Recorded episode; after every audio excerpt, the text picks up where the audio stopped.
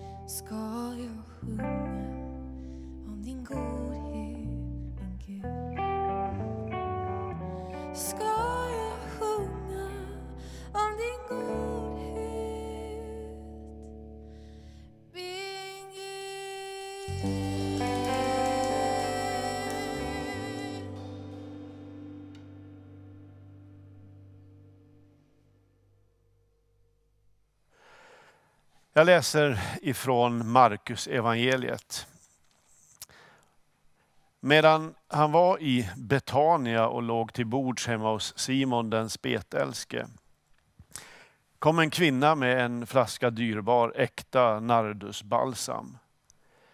Hon bröt upp flaskan och hällde ut alltsammans över hans huvud. Några blev förargade och sa till varann, vilket slöseri med balsam. För den oljan hade man ju kunnat få mer än 300 denarer att ge åt de fattiga. Och de grälade på henne. Men Jesus sa, låt henne vara. Varför gör ni henne ledsen? Hon har gjort en god gärning mot mig. De fattiga har ni alltid hos er och de kan ni göra gott mot när ni vill. Men mig har ni inte alltid. Hon har gjort vad hon kunde. I förväg har hon sörjt för att min kropp blev smord till begravningen. Och sannerligen, överallt i världen där evangeliet förkunnas ska man också berätta vad hon gjorde och komma ihåg henne. Jag glömmer aldrig vad poeten och profeten Ylva Eggehorn sa en gång i ett föredrag. Hon sa så här. Man kan inte lyckas med att följa Jesus. Men man kan inte misslyckas heller. Livet med Jesus handlar om något annat än det som går att mäta i framgång och misslyckande. Slutcitat. Hon har så rätt. För det lönar sig på ett sätt inte att tro på Gud. Alltså inte om man ska räkna ner det i debet och kredit och ha svarta siffror i slutet. Men det är värt det. För livet med Gud handlar om kärlek. Och kärlek är aldrig mätbar på det sättet. Och allt det här blir ju kristallklart i den här korta texten som jag nyss läste. Händelseutvecklingen är så snabb att ingen hinner hejda det som sker. Under en middagsbjudning hemma hos Simon så dyker en kvinna upp. Utan att fråga om lov eller lämplighet häller hon en hel flaska nardusolja över Jesu huvud. Och när doften från den oljan sprider sig i rummet så är diskussionerna i full gång. De som aldrig bryr sig om de fattiga annars tycker nu att de fattiga kunde väl ha fått de pengar som den här oljan var värd. Att smörja någon med olja var en aktad och betydelsefull gest i antiken. Så invigde man kungar till tjänst och så smorde man hjältar. Nardusoljan var en festolja som man sparade och tog fram vid riktigt högtidliga tillfällen. Så man kan förstå att det här väcker en stark reaktion. Det har spekulerats i varför den här kvinnan gör det hon gör. Alltså bryter och tömmer en flaska olja som förmodligen var värd ungefär en årslön. Det är lätt att tänka, ja men hon ville hedra Jesus. Hon ville visa sin uppskattning för honom på det här sättet. Men Jesus själv ger ett annat svar. Han säger, hon har sörjt för att min kropp blir smord till min begravning. Det säger han riktad, tror jag, till de som nu har mage att gnälla. Det kan ju låta som en efterhandskonstruktion, men kanske var det precis det hon gjorde. Och kanske visste hon exakt vad hon gjorde. Att den här kvinnan som Markus, evangelisten, inte ens har något namn för, har förstått det omgivningen inte hade förstått. Trots att Jesus hade sagt det, trots att de religiösa ledarna i verserna innan sägs söka efter ett tillfälle att röja Jesus ur vägen. Alltså att hon hade förstått att Jesus snart skulle dö. Vi vet inte vad hon hade hört. Vi vet inte vad hon hade känt här inne. Vi vet bara att en inre process i henne nu har lett fram till att hon bryter alla rådande konventioner och så gör hon det som hon måste göra för att inte svika allt som hon tror på och fullkomligt dö på insidan. Det här är ögonblicket som kallas för nu eller aldrig. Och väl där, då slutar en människa att väga och mäta, bry sig om hur saker uppfattas. Man är liksom bortom att lyckas eller misslyckas. Det är ointressant. I ett sådant läge, då gör man det man måste göra. Det här är kärlekens måste. Och när Jesus säger att historien om den här kvinnan kommer att fortsätta berättas eh, överallt i världen där evangeliet förkunnas så kan det ju knappast läsas på annat sätt än att Jesus egentligen säger till oss, glöm aldrig det här. Glöm aldrig den här kvinnan. Därför att någonstans här ligger själva livsnerven. Här någonstans finns själva nyckeln till livet. Jag arbetar som omsorgspastor i Smyrnakyrkan och till det arbetet hör att jag nu och då kallas till något av våra hospice eller sjukhus för att sitta en liten stund hos en människa som vet att han eller hon snart ska dö. Det där är naturligtvis väldigt speciella samtal. Vi pratar en stund, de berättar saker, jag försöker lyssna mest och vill de så ber vi tillsammans.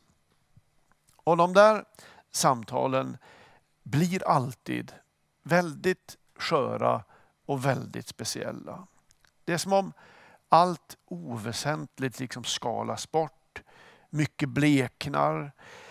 Men annat stiger fram och blir kvar liksom som det viktigaste i livet. Det liv som nu har levts och det liv man nu ska skiljas ifrån.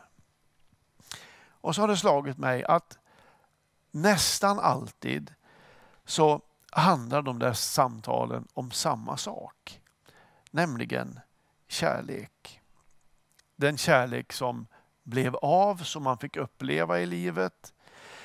Den kärlek som man nu kanske håller på att skiljas ifrån. Den kärlek som någon längtade efter men aldrig fick smaka. Den där kärleken som liksom aldrig blev. Tiden vi fick, tiden vi sörjer över att vi inte gav varann när vi hade chansen. Det är som att man i de där ögonblicken kommer döden nära. Men att man också i de där ögonblicken kommer nära vad livet djupast sett handlar om. Och nästan alltid så tänker jag när jag lämnar ett sånt där rum, så tänker jag så här, att det ska vara så fruktansvärt svårt. Att ta den där insikten, alltså det som vi vet just då när man ska skilja sig från livet. Ta den insikten och så liksom backa in den, backa tillbaka den in i det liv som pågår. Och så bestämma sig för att jag vill leva så nu medan jag fortfarande har chansen. Alltså välja kärleken och välja den före allting annat.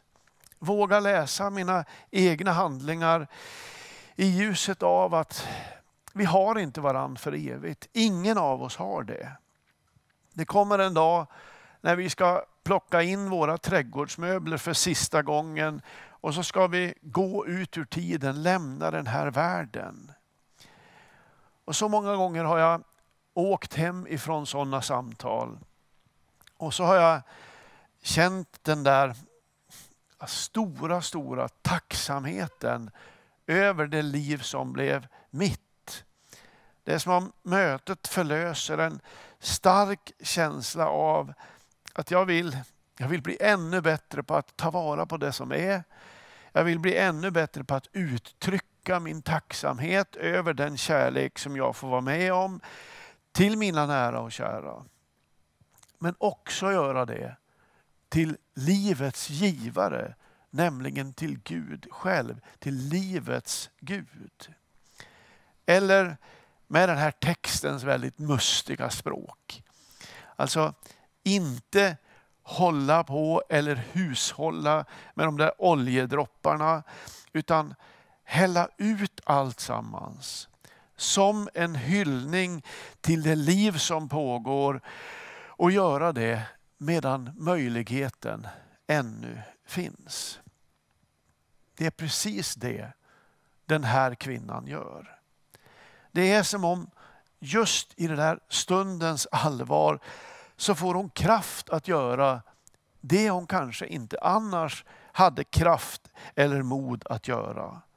Det som så lätt mals ner av överväganden, hänsynstaganden och ibland ren feghet. Och hennes handlande röjer en väg för oss. Fritt översatt. Ta det finaste du har, din kärlek.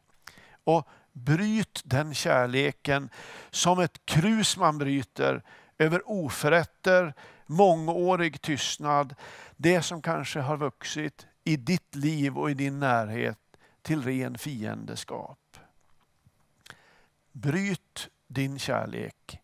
Det kräver mod att göra det. Bryt den kärleken över allt det där. Och med Ylvas ord. Ingen kan lova, allra minst jag, att det kommer lyckas.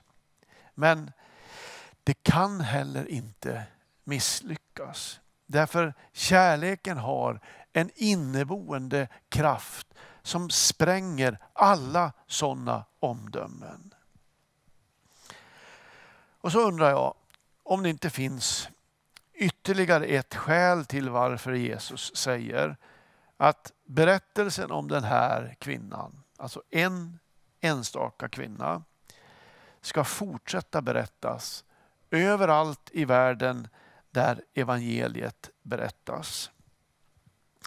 Eh, jag tror att skälet till det är att den här historien säger någonting om det viktigaste med Guds kärlek.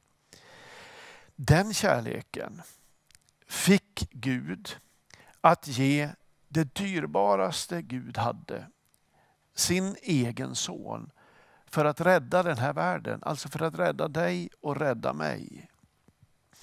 Gud sparade inte på oljan. Han hushållade inte med den utan han bröt den där oljeflaskan när Jesus gick i döden för vår skull.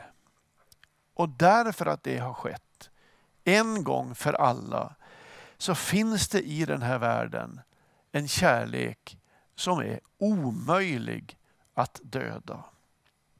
Och jag tror att man just här kan hitta kraft till en kärlek som ibland kan kännas svår. En kärlek som ibland kan kännas rent omöjlig.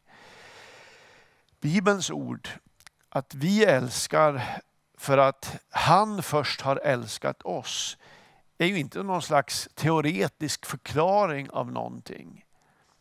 Jag tror att det är en karta. En karta med en beprövad väg till kraften att älska. Nämligen Gud har först älskat oss. Glöm aldrig det. Glöm aldrig det. Det kanske inte var förnuftigt mätt i kronor och öre. Men han gjorde det. Han tömde den där nardusflaskan över oss och han tömde den in till sista droppen. Jag ska avsluta med något av det vackraste jag har hört om den där evighetsstarka kärleken som är Guds kärlek. Det här är några rader av prästen och psalmdiktaren Olof Hartman. Ty i det fördolda är vi älskade av den som gav oss ögonblicket och väntar på oss i evigheten. Älskade med en hopplös, blödande, fruktansvärd, underbar kärlek. Älskade inifrån vår egen verklighet.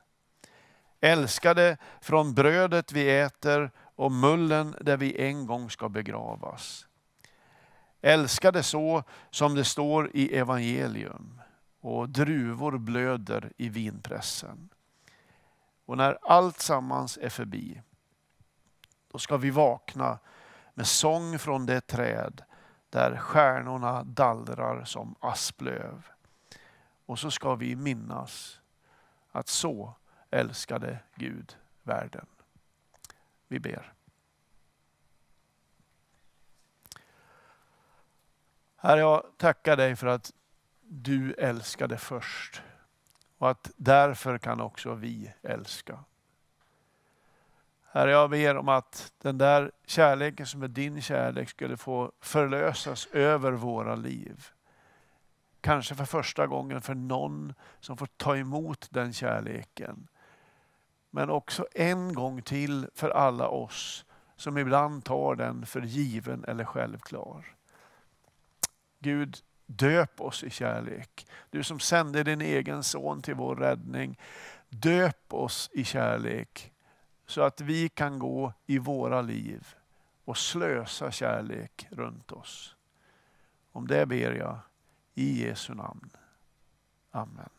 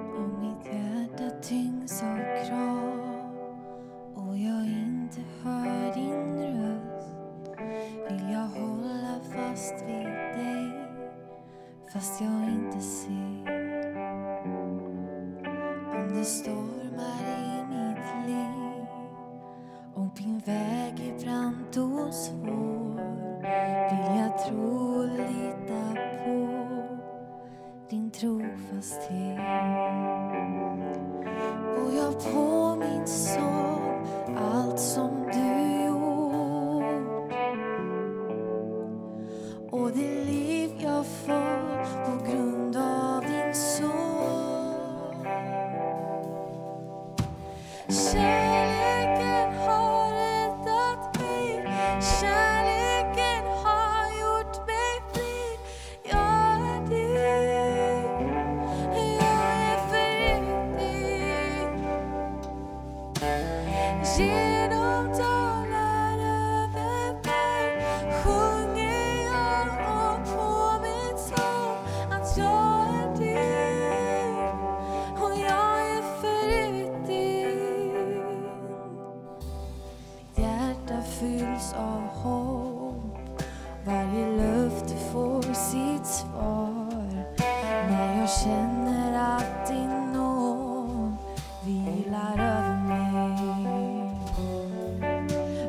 Böjer jag mig, Gud, så beroende av dig.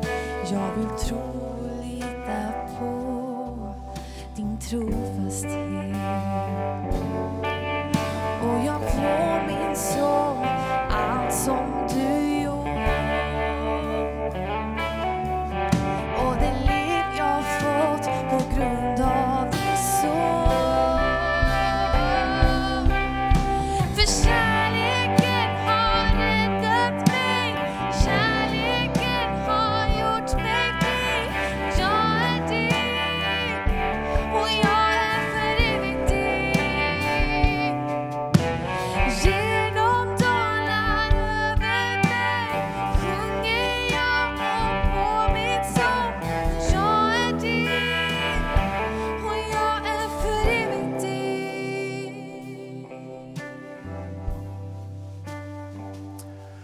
Tack för att du har varit med oss och firat gudstjänst härifrån Smyrnakyrkan i- i sommartid. Eh, du kan också få vara med och eh, lite på ett praktiskt sätt uttrycka din kärlek genom att vara med och ge en gåva in i vår församlings arbete. Vi försöker att hjälpa de människor som har det tungt i vårt samhälle och jag vet att Gud välsignar dig om du vill vara med i det. Du kan också fortsätta följa oss via Smyrna Play där det ständigt kommer, också under sommaren, nytt material. Tack för att du har varit med. Ta emot Guds välsignelse. Herren välsigne dig och bevara dig. Herren låter sitt ansikte lysa över dig och vara dig nådig. Herren vänder sitt ansikte till dig och ger dig frid. I Faderns, Sonens och den helige Andes namn. Amen.